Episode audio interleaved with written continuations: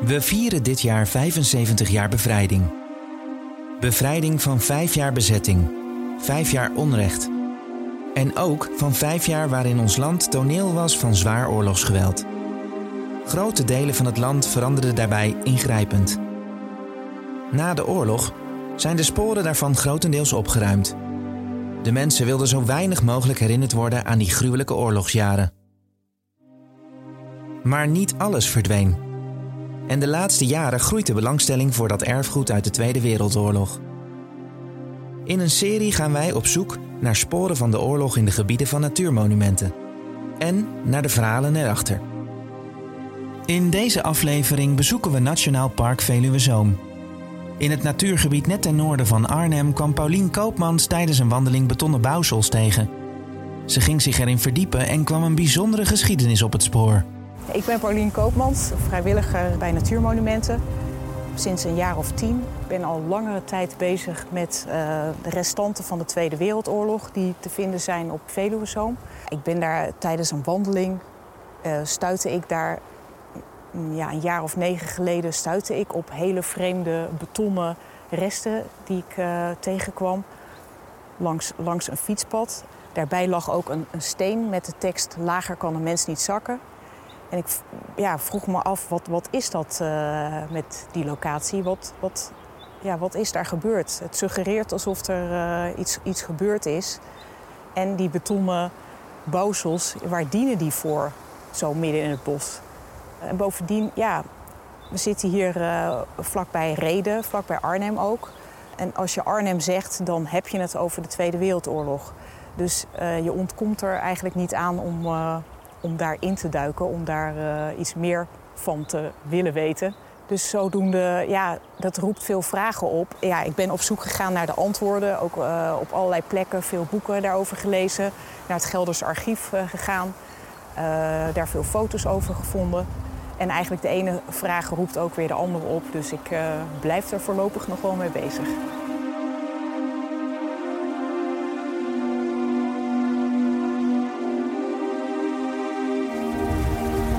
Mooi plaatje zo.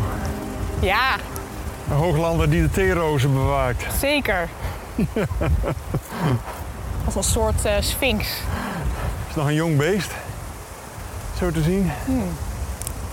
Ja, als een soort sphinx, ja, misschien ook wel een beetje toepasselijk. Want als je dit uh, de eerste keer ziet, deze betonnen, vreemde betonnen bouwsels, ja, mij deed het wel ergens iets denken aan een soort Maya-tempels, iets uit Zuid-Amerika. Dat ze zo'n rare trapezevorm hebben.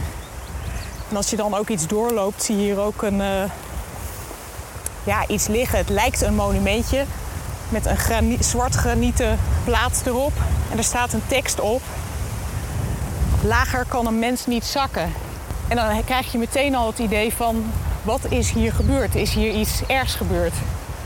Er staan dus twee ja, betonnen, betonnen bouwsels. Gemaakt van vrij grof beton met veel uh, kiezels uh, erin. De een is een trapezevorm, de ander een trapezevorm met daaraan een, uh, een trap, zeven treden. Ja, het is eigenlijk in eerste instantie totaal onduidelijk van wat is dit en wat doet dit hier in het bos. En daarachter ook een paar kraters. Er liggen ook allemaal puinresten in, allemaal beton. Oh ja. Dat zijn er twee. En wanneer heb jij dit voor het eerst gezien? Ik denk nu inmiddels een jaar of negen geleden. Toen kwam ik ja, voor het eerst op deze plek. En ik kende ook iemand die, uh, die hier een keer met zijn hond liep. En uh, die liet die hond los. Dat mag dus niet. Er was een boswachter en die, uh, die heeft hem toen op de bon geslingerd. En op die bon stond als locatie Moffendorp dat vond ik al uh, vond ik heel vreemd. Ik dacht, ja, wat, wat is hier geweest? En tegelijkertijd kwam ik, uh, ik werkte toen al uh, voor natuurmonumenten, kwam ik in het beeldarchief ook een keer een foto tegen. met daarop een, een houten getimmerde poort met een hakenkruis. En ook dat verwees weer naar de Duitsers. Dus langzaam maar zeker begon ik toen te ontdekken wat dit voor een, een plek was. En omdat het zo raadselachtig is, ja, vroeg dat wel om, om, om meer. Ja, ik wilde heel graag weten, wat is dit dan? Dus je bent je erin gaan verdiepen. Ja, zeker. En wat heb je allemaal ontdekt? Nou, dat dit een theerozenstelling is geweest.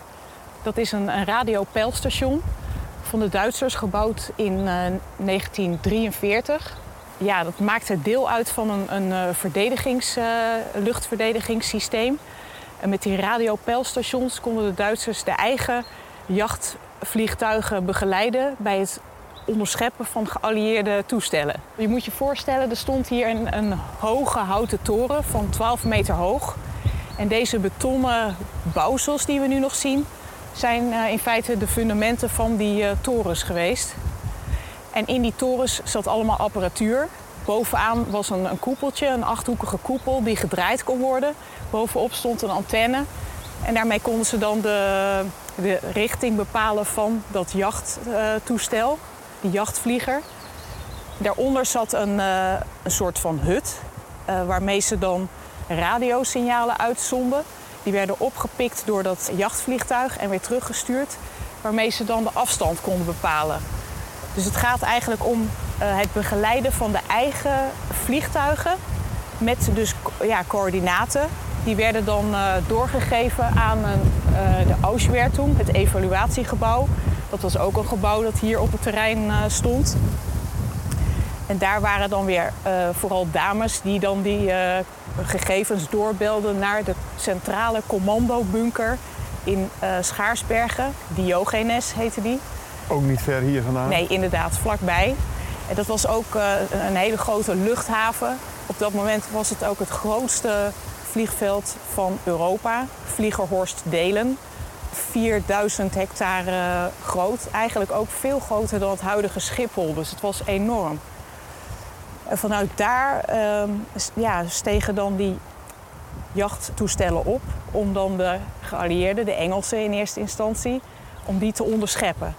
Want die Engelsen die waren onderweg naar het, het roergebied. Ja, ja, ja zeker. Ja, dus dat is ook de reden, want waarom is dit dan hier gebouwd? Vooral vanuit strategisch uh, oogpunt. Inderdaad, het was de aanvliegroute van uh, de geallieerden naar het roergebied. Maar ook uh, lag het dicht bij dus die, dat vliegveld Delen. Dicht bij die centrale commandobunker Diogenes. En wat eigenlijk vanuit natuurmonumenten wel interessant is... is dat het alles te maken heeft met het landschap. Vooral op hoge punten werden dit soort radiopeilstations gebouwd. Omdat je daar natuurlijk ook een betere ontvangst had. Ja. Het was in die tijd was het echt een heidegebied. Je leest ook wel in uh, dagboeken van mensen, Duitsers die hier gezeten hebben, dat het, uh, het is sowieso heel erg afgesloten van de wereld in de middle of nowhere, midden op de heide. En er groeiden ook verder weinig bomen.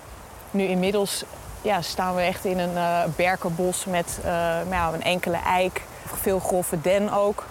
Maar dit was helemaal open en echt een heidegebied. Ja. Het zag er dus heel anders uit. Het zag er heel anders uit. Ja. En het was echt een, uh, ja, behalve deze torens, want het, op deze locatie, T-Rose 2, uh, stonden vijf van dit soort torens. Allemaal op enige afstand van elkaar om ook de signalen niet te verstoren. En je hebt ook uh, nog twee andere locaties, T-Rose 1 en T-Rose 3. T-Rose 1 was dan de eerste. Eigenlijk ook de eerste in Nederland in, in zijn soort. Het was ook een soort opleidingscentrum. Dat ligt vlakbij Terlet, uh, bij het huidige zweefvliegveld ook. En uh, daar komt trouwens ook de naam vandaan, theerose. De Duitsers gebruikten allemaal codenamen, vooral uit de plantenwereld, mythologie soms, dieren ook wel. En die thee van theerozen komt dus van Terlet. De theeroos is een soort van roos die naar thee schijnt te ruiken. En zo zie je dat ook bij Diogenes, die centrale commandobunker. Die D komt dan van delen. Dus dat was het uh, systeem daarachter. Nou, die T-Rose 1 werd als eerste gebouwd in 1942. Ook weer vijf van dit soort torens met allemaal gebouwen erbij. Woon- en leefbarakken voor de mannen en vrouwen die er werkten. Dat waren er een stuk of 120, 150 per soms. locatie? Per locatie, dus ook hier. Uh, er was dan een evaluatiegebouw waar dus al die gegevens uh, van die, uh, die meetgegevens terechtkwamen. Een administratiegebouw waar dan de commandant en de staf zetelden. En ja, een watervoorziening, uh, elektriciteit, nou noem maar op. Het was echt een, uh, een heel ja, een dorp. Een hele ja, leef... vandaar Moffendorp. Ja, dus, inderdaad. Ja. ja. Je, je kunt je er nauwelijks iets bij voorstellen hè, dat, het zo'n, dat, dat er hier zo'n hele nederzetting geweest Zeker. Is. Ja. ja, je moet het nu echt alleen maar doen met die betonnen resten. En wat dat betreft heb je er wel enig uh, fantasie bij nodig om dat dan te zien. Maar ja, van al die vijf torens die hier stonden, uh, zijn dus nog die fundamenten over. En verder zijn er ook nog wel wat, uh, vooral bij T-Roze 1, zie je ook nog wel het administratiegebouw, staat er nog in zijn geheel.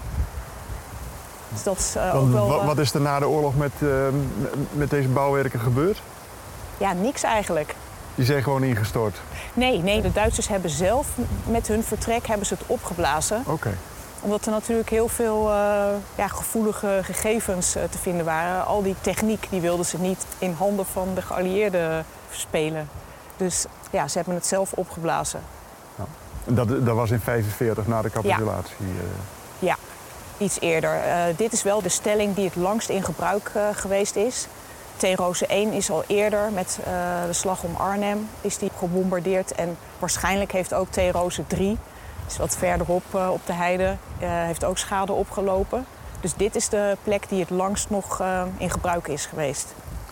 En de, de, de, deze installaties waren dan bedoeld om de jachtvliegtuigen van Duitsers die op delen stonden te begeleiden? Precies. Hoe, hoe, hoe, hoeveel van die vliegtuigen stonden daar? Ja. Want als het groter is dan Schiphol, dan, dan kan ik me zo voorstellen dat dat, dat, dat een onafzienbare hoeveelheid vliegtuigen geweest is. Ja. Nou, groter dan Schiphol, daarmee uh, wordt ook wel bedoeld uh, ja, het hele gebied, alles eromheen, alle militaire gebouwen. Want dat waren er, en, uh, en andere objecten, dat waren er in die tijd ongeveer 900. en inmiddels zijn er nog 200 objecten van over. Het is inmiddels ook wel het grootste rijksmonument van Nederland, dus vanaf 2017. Dus het is ook alles wat erbij hoort. Maar het is moeilijk te zeggen hoeveel vliegtuigen dat dan waren. Maar uit die dagboekaantekeningen van een uh, onderofficier... daarin is wel te lezen dat bijvoorbeeld in 1943... Uh, zo'n toren, één toren, één vliegtuig op een dag volgde. Dus eigenlijk helemaal niet zo heel veel. Toch, dat is wel een beetje raadselachtig. Want ja, er zijn drie van dit soort uh, radiopeilstations gebouwd. Dat is blijkbaar ja, niet voor niks, want de T-Roze 1 uh, kwam op een gegeven moment aan het eind van zijn capaciteit. Dus uh, toen hadden ze behoefte aan een nieuwe locatie. Dus er was wel genoeg te doen, maar hoeveel precies en hoeveel vliegtuigen ze dan volgden, dat is uh, niet helemaal bekend. Nee. nee dus, dus ook niet te zeggen hoe effectief het systeem was. Nou, ik denk wel aardig effectief. Uh, zeker omdat je gedurende de oorlog ook een ontwikkeling had. Uh, die techniek werd steeds, uh, steeds beter. En er ontstond ook met de geallieerden heel erg een, een kat-en-muisspel. Iedere keer werden er weer andere slimmigheden verzonnen om elkaar te slim af te zijn. Ja, en om even een groter kader te schetsen. Want waarom werden de, dit soort plekken ontwikkeld? in het begin van de oorlog waren de Duitsers vooral gericht op de aanval en iets minder bezig met de verdediging. En uh, in de tussentijd waren er wel Engelsen die vooral nachtelijke aanvallen uitvoerden. Eerst op Duitse infrastructuur en militaire doelen, later ook wel op steden. En eigenlijk hadden ze daar niet zo heel goed een antwoord op. Er waren wel zoeklichten, uh, vlak, afweergeschut. Maar dat was allemaal niet zo heel erg effectief. En ook trouwens, die bombardementen van de geallieerden waren ook niet heel erg effectief.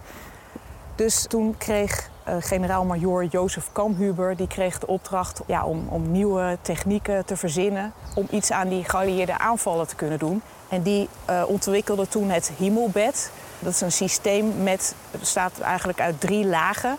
Het was vooral radar, uh, over, overlappende radarstations... een beetje langs de kust van Nederland.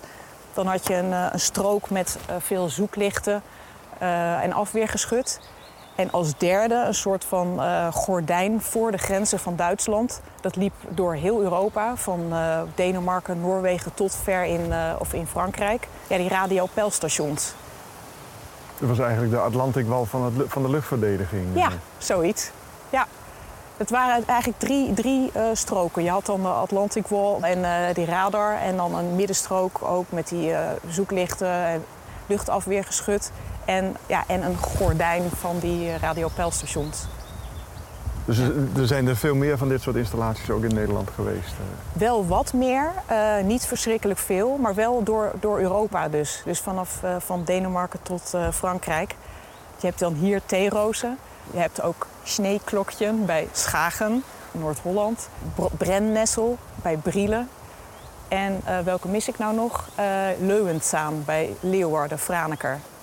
Allemaal plantennamen. Ja, precies. Ja. Net als de, de, de theeroos. ja, ja. Ja, dus het waren er niet heel erg veel. ehm, ja, een aantal. Maar eh, later op de oorlog zijn er ook nog wel eh, ja, bij, bij die ra- radarstations ja, zijn ook nog wel eh radiopeilstations erbij gebouwd. Dus ja, ik denk dat het wel aardig effectief was. En wie- wie, hebben die, die installaties gebouwd? Ja, waarschijnlijk eh, Nederlandse aannemers. Mensen uit de omgeving? Zeker, ja. Ja. ja. We kunnen ook nog wel even naar een andere plek lopen, iets eh, verderop.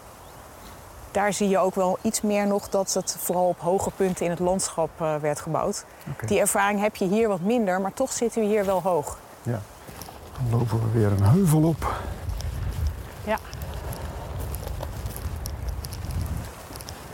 Nou, hier is inderdaad wel goed zichtbaar dat die torens op hoge punten in het landschap eh, werden gebouwd. Ja. Eh, We zijn nu bij toren eh, Heinrich. De Duitsers gaven ook alle torens namen. Dat praat ook wat makkelijker als je elkaar moet wijzen op de plek. Het is makkelijker dan de tweede toren van links. We waren net bij Friedrich. Nu zijn we bij Heinrich.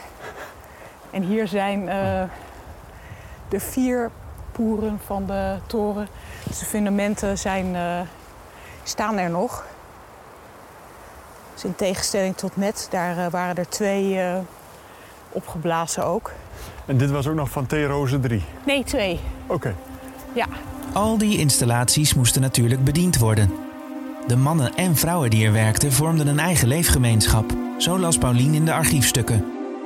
Ja, wat ook wel, ehm, wel duidelijk is, eh, is geworden als je hier induikt, is dat er een enorme, of een, hele aparte leefgemeenschap eh, was. Dus met ehm, half mannen, half vrouwen. Het waren vaak mensen van hele jonge leeftijd die hier zaten.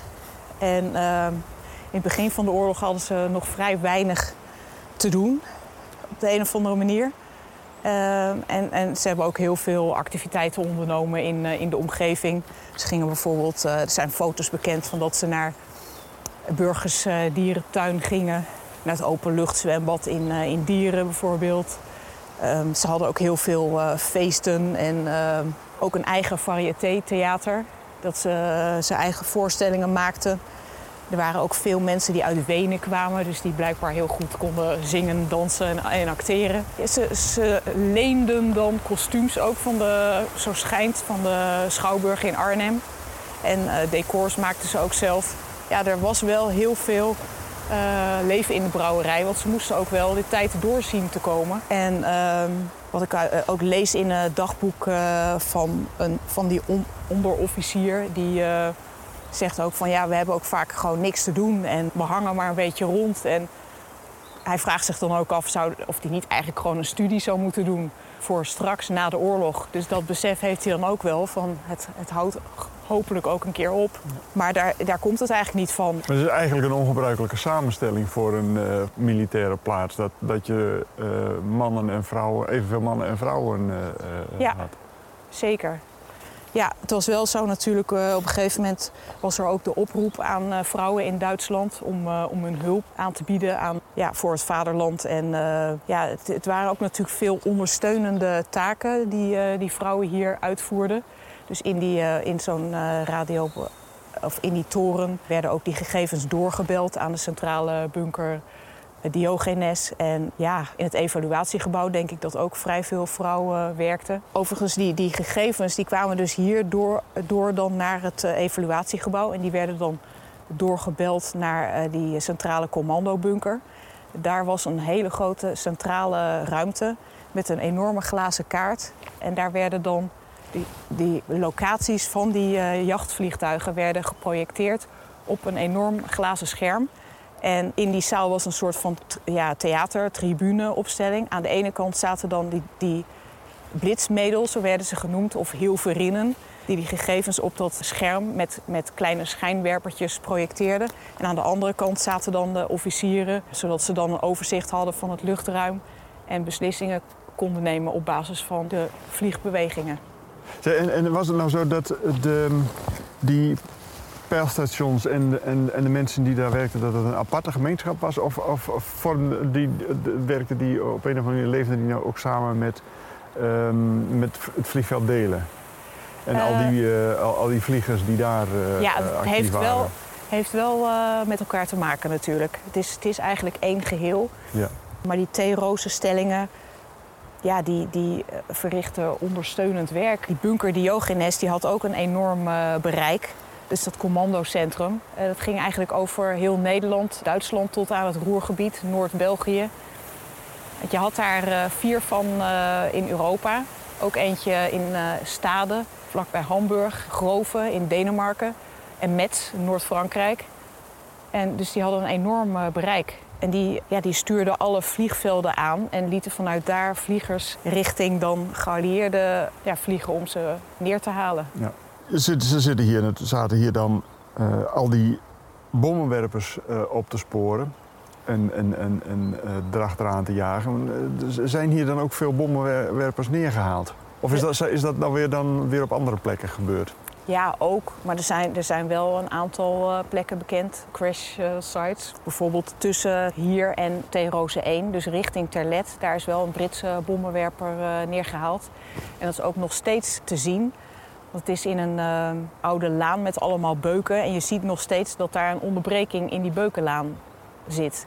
Er wel, is wel weer wat jonge aanplant eh, door Natuurmonumenten, wat nieuwe, nieuwe beuken neergezet. Maar je ziet nog altijd dat gat daar zitten. Dus dat herinnert nog steeds aan, aan die crash. Dat was ook in eh, 1943. Het was een toestel dat uit eh, Engeland vertrok. S'nachts ook dus, met, met volle maan.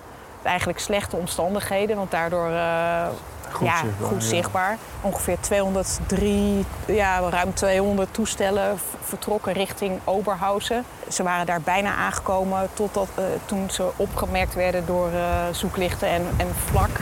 En de- ze werden toen beschoten en toen werd de piloot die, die eh, bepaalde toen dat ze dan maar terug moesten vliegen richting Nederland weer. En ze zijn toen opgepakt en beschoten door een, een vliegtuig van luchthaven Twente. Wat ook weer aangestuurd werd hier door dat commandocentrum Diogenes.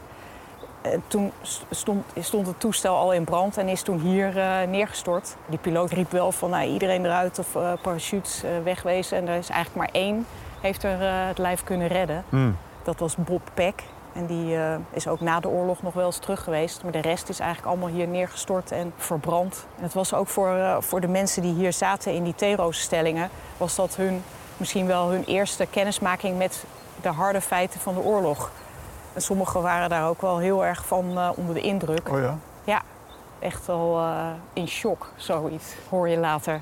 Oké. Niet, niet iedereen hoor, maar ehm, dat kom je wel tegen in het boek ook van Willem Tiemens. Die echt wel het naslagwerk heeft geschreven over deze theeroosstellingen. Theerozen op de Veluwe. Dat, dat die jongens en meisjes, want dat waren het eigenlijk, heel jong. Die hadden er ook niet echt voor gekozen om deel te nemen aan de oorlog. Dat ze daar wel eh, behoorlijk van onder de indruk Nee, waren. want, want toen zagen ze het effect eh, van wat ze aan het doen waren. Ja. En, eh, Ja, En, want meestal gebeurde dat dus op enige afstand van hier. Ja. Eigenlijk waren ze gewoon een beetje aan het gamen. En, eh, zoiets. Ja, Ja, dat zou kunnen. zonder da- dat ze zagen wat, ze de, wat, wat, wat de consequenties waren. Ja, Dus ja. ver- verder is, zijn hier dus geen luchtgevechten geweest dan eigenlijk. Die- vonden op andere locaties plaats. ja ik, denk, ik denk het wel. Ze hoorden wel eh, veel overkomen hier. Ja, Dat, dat lees je dan ook wel weer in die dagboekaantekeningen. En dat verschilde ook door de tijd. Soms waren het enorme formaties. Dat was ook weer dat kat-en-muisspel. Dat soms de Engelsen dan in één lange lijn vlogen. Of juist eh, met een grote groep bij elkaar. Ook om eh, Duitsers dan te misleiden. Dat het iedere keer ook weer anders gebeurde. En eh, dat ze niet zo goed wisten wat ze daarmee moesten. Ze hadden op een gegeven moment natuurlijk ook dat window. Een soort aluminium of eigenlijk tin, uh, tin. Een soort strookjes waren dat die ze dan uitstrooiden om dan de radar ook te verstoren. Ja, en daar moesten dan ook weer de Duitsers weer een antwoord op, op vinden. Dus het was voortdurend. Waren er ontwikkelingen in de techniek ook. Ja, om elkaar dan te slim af te zijn. En hebben de geallieerden niet geprobeerd om die uh, stations hier uh, kapot te schieten? Ja, dat zou je denken. Ja. Absoluut. Want uh, ook als je kijkt op luchtfoto's van de Royal Air Force. Ik heb er eigenlijk ook wel een foto van bij me. Vanuit de lucht was het dus heel goed te zien, deze plekken. Maar ja, wat het dan precies was, dat was een tweede verhaal. Dus ik denk niet dat, ze, dat de geallieerden goed wisten wat hier precies gebeurde en ook niet het belang daarvan uh, zich hebben gerealiseerd. Dus je hebt dan dit soort uh, luchtfoto's van de Royal Air Force. Dit is dan toevallig T-Rose 1, dus niet de locatie waar we nu zijn, maar het is wel vergelijkbaar. Dus dit soort punten, dat zijn dan ook uh, die torens of anders andere gebouwen die erbij hoorden. En die rechte lijnen daartussen, dat zijn eigenlijk gewoon de paadjes. Zo, zo wandelden ze, zo liepen ze van de ene plek naar de andere. En omdat het ook een heidegebied is, ja, komt dan die zand uh, uh, boven. Dus dat, dat geeft dan van die tekeningen eigenlijk ja. in het landschap. Ja, ja dit, dit is dan ook zo'n toren. Dus de allereerste, toren Anton. Begon met de A. Dan zie je ook uh, die koepel bovenop met die antenne die, die, de richting bepaalt. En hier zat dan een hut waarmee ze dan radiogolven in een bepaalde frequentie uh, uitzonden om dan de uh, afstand te bepalen. Deze toren is wel vrij lomp. Die daarna waren iets ja, langgerekter, iets slanker. Maar je ziet wel inderdaad een houten opbouw. En dan hieronder zouden, als het goed is, dat soort fundamenten ja, ja. moeten liggen. Ja, je ziet ook dat in die tijd die ze dan over hadden, gingen ze ook, net zoals wij nu in de coronacrisis, uh, aan huis bezig. Zij gingen ook uh, een tuin aanleggen. Oh ja. Van berkenstammetjes allemaal meubilair maken. Dus uh, ze wisten soms ook van gekkigheid niet wat ze met hun tijd nee. moesten. Dat heb ik hier verder nog. Ja, allemaal uitstapjes ook. Dat ze Arnhem ingaan naar verschillende locaties. Zoals café-restaurant Royaal was een hele favoriete plek Steenstraat, naar lunchroom, hek, naar de dierentuin, openluchtzwembad. En je ziet ook hier hoe jong ze zijn. Dan heb ik hier verder nog iets. Nou ja, dit is dus die uh, centrale bunker Diogenes. Het is een enorm uh, gevaarte ook eigenlijk met afmetingen van 60 uh, bij 40 bij 16 meter hoog. Er is 33.000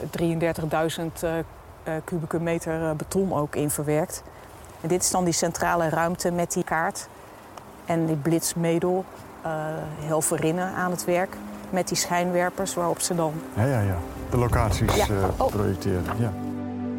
Dat de Duitsers juist hier zo'n groot complex voor de luchtverdediging bouwden, was omdat het landschap van Veluwezoom daar heel geschikt voor is. Wat je hier ook ziet trouwens, is eh, nog steeds allemaal stukken steen eh, liggen er. Dat wijst ook wel op dat, nou ja, dat die plek hier opgeblazen is. Maar ook dit soort... Want dit is niet gewoon beton, dit is heel licht. Ja. Ja, ze zetten ook om allerlei plekken, om eh, ook die woonbarakken, zetten ze muren neer van dit soort hele lichte beton. Dit was dan splitterproof, dus tegen granaatscherven beschermd. Als er echt een, een, een bombardement zou komen, dan zou het het niet beschermen, maar tegen wat scherven wel. Dus dat, dat ligt hier nog gewoon. Ja, en ook als je kijkt naar eh, bijvoorbeeld het beton waar we net vandaan komen, die, eh, dat is heel grof. Eh, er zitten veel grove kiezels in. Dan kan je ook wel zien dat ze dat hier ter plekke met zand hebben gemengd. Want nou ja, dit is natuurlijk een gebied met de oorsprong in, in de ijstijd, waarbij ook heel, waar, waar de stuwwallen zijn gevormd.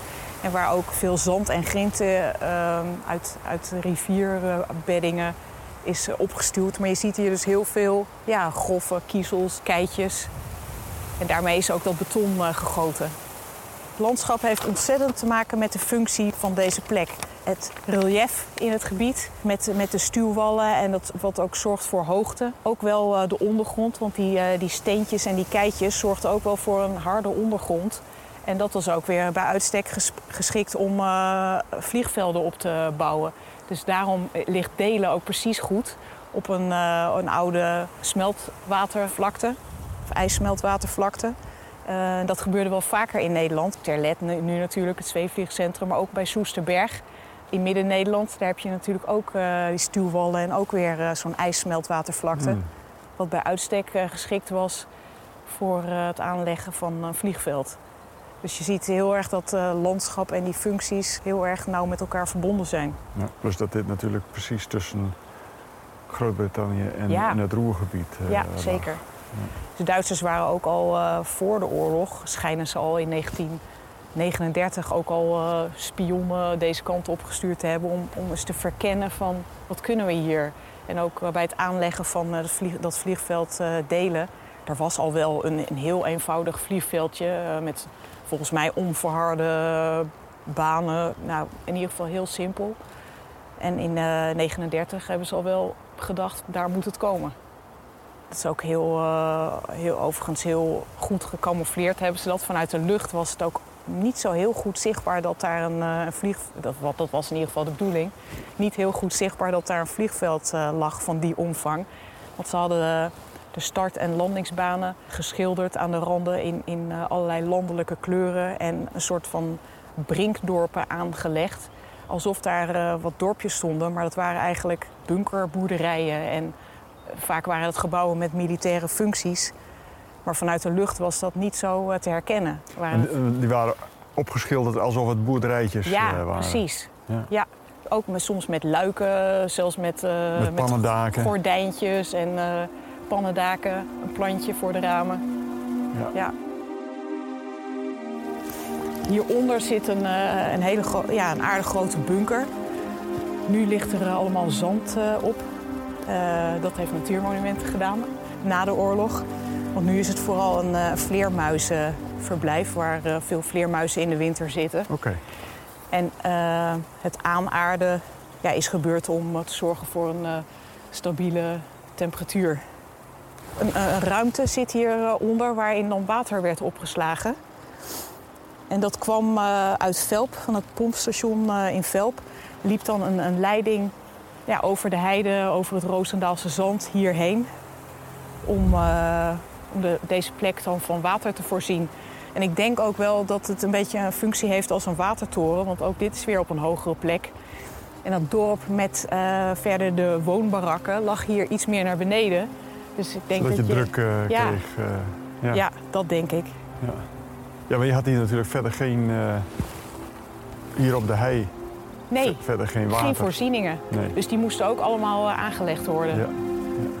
En dat gebeurde wel, daar waren de Duitsers wel heel sterk in... om dat heel snel allemaal voor elkaar te krijgen.